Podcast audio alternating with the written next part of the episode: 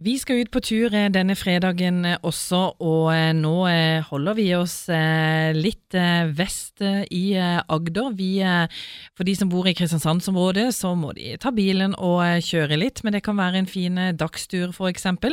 Vi skal i dag til Kvinesdal og Per Thomas Skånes fra DNT Søre. Du skal ta oss med til Kvinesdal, til Knabenområdet og rett og slett Knabenkniben. Ja, vi skal til Knabekniben. Det er litt sånn morsomt, eh, litt sånn sprettende eh, navn på et fjell. Ehm, og det ser litt ut som det det kanskje høres ut som, eh, muligens, men det er iallfall en bratt og eksponert topp. Som ruver liksom sånn over Knabedalen, da, ca. seks kilometer sør for, for selve Knaben. Og du har sagt at dette her er Kvinesdals svar på Preikestolen? Ja, altså naturfenomenet minner litt. Eh, det er ikke like liksom sånn hva skal jeg si, preikestolform på den, men det er likevel eh, bratt, eh, skurt svaberg som, som stuper ned i, i dalføret.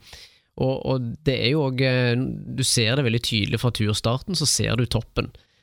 Så det jo gir litt motivasjon. Du ser hvilket naturfenomen du skal opp på.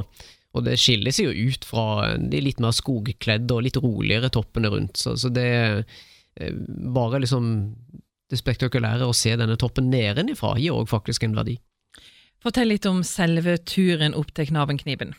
Ja, altså her er det jo eh, parkering nede ved, ved veien, altså veien som fører deg videre opp mot, mot Knaben. Så Parkeringsplassen er like ved Knaben gård, ehm, og der er den godt merka og godt eh, Ja, det gode skilt på turstart, så det er ganske enkelt å finne fram til, til stien. Og det er en ca. Ja, 1,8 km å gå hver vei.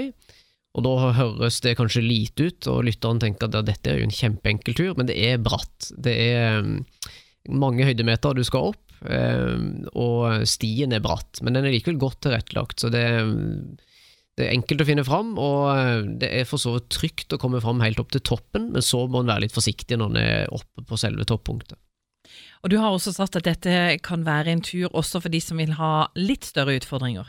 Ja, det er jo en litt sånn morsom kuriositet for de som eh, ikke har nok med den bratte stien opp, men vil ha enda mer vertikal tur.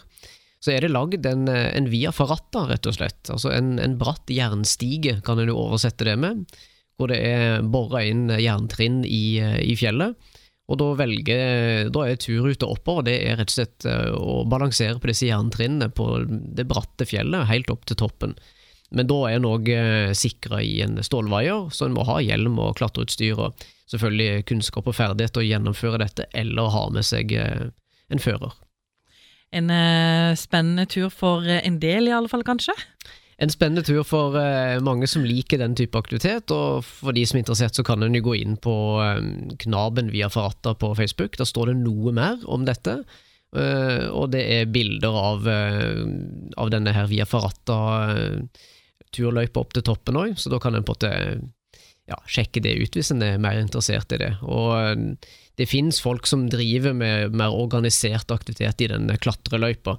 Det gjør det. Eh, og ellers så kan en kontakte det en til Sør eller andre som har både utstyr og kunnskap og ferdighet om sånne turer, hvis en ønsker at eh, det skal arrangeres noe, hvis en ikke sitter inne med ferdighetene sjøl.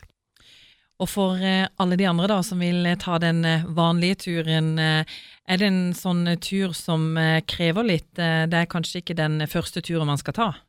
Altså, Det er jo ikke så langt, men det er bratt, så det er jo liksom det, fysiske med å bevege seg i bratt terreng eh, likevel eh, i disse to kilometerne cirka hver vei. Men, men, det er ikke noe veldig vanskelig tur, så det er en tur som eh, fint barn på eh, seks, syv, åtte år oppover kan klare. Det vil jeg absolutt si. Fikk en fin rapport fra en barnefamilie som var der for noen uker siden, og var veldig veldig fornøyd med turforslaget som de hadde fått fra DNT Sør. Eh, og de hadde ingen problemer med turen, verken opp eller ned, og var strålende fornøyd. Og Du har vel også sagt at uh, dette området her, eller Knabekniben, uh, det har vært en sånn uh, snakkis? Ja, altså, det er jo litt sånn rart med disse naturfenomenene. At noen naturfenomen de står jo bare der og er synlige, og folk tenker at det er et flott fjell, men så er det liksom ikke noe tilrettelegging.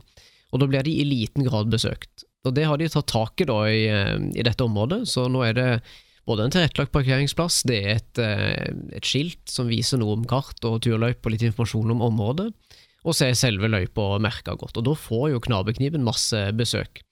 Og så er det jo også sånn at utsikten er spektakulær, og naturfenomenet er litt spesielt. Og da er jo de bildene som legges ut, da, de motiverer og inspirerer flere til å komme seg ut på tur. Så det er absolutt en bra ting.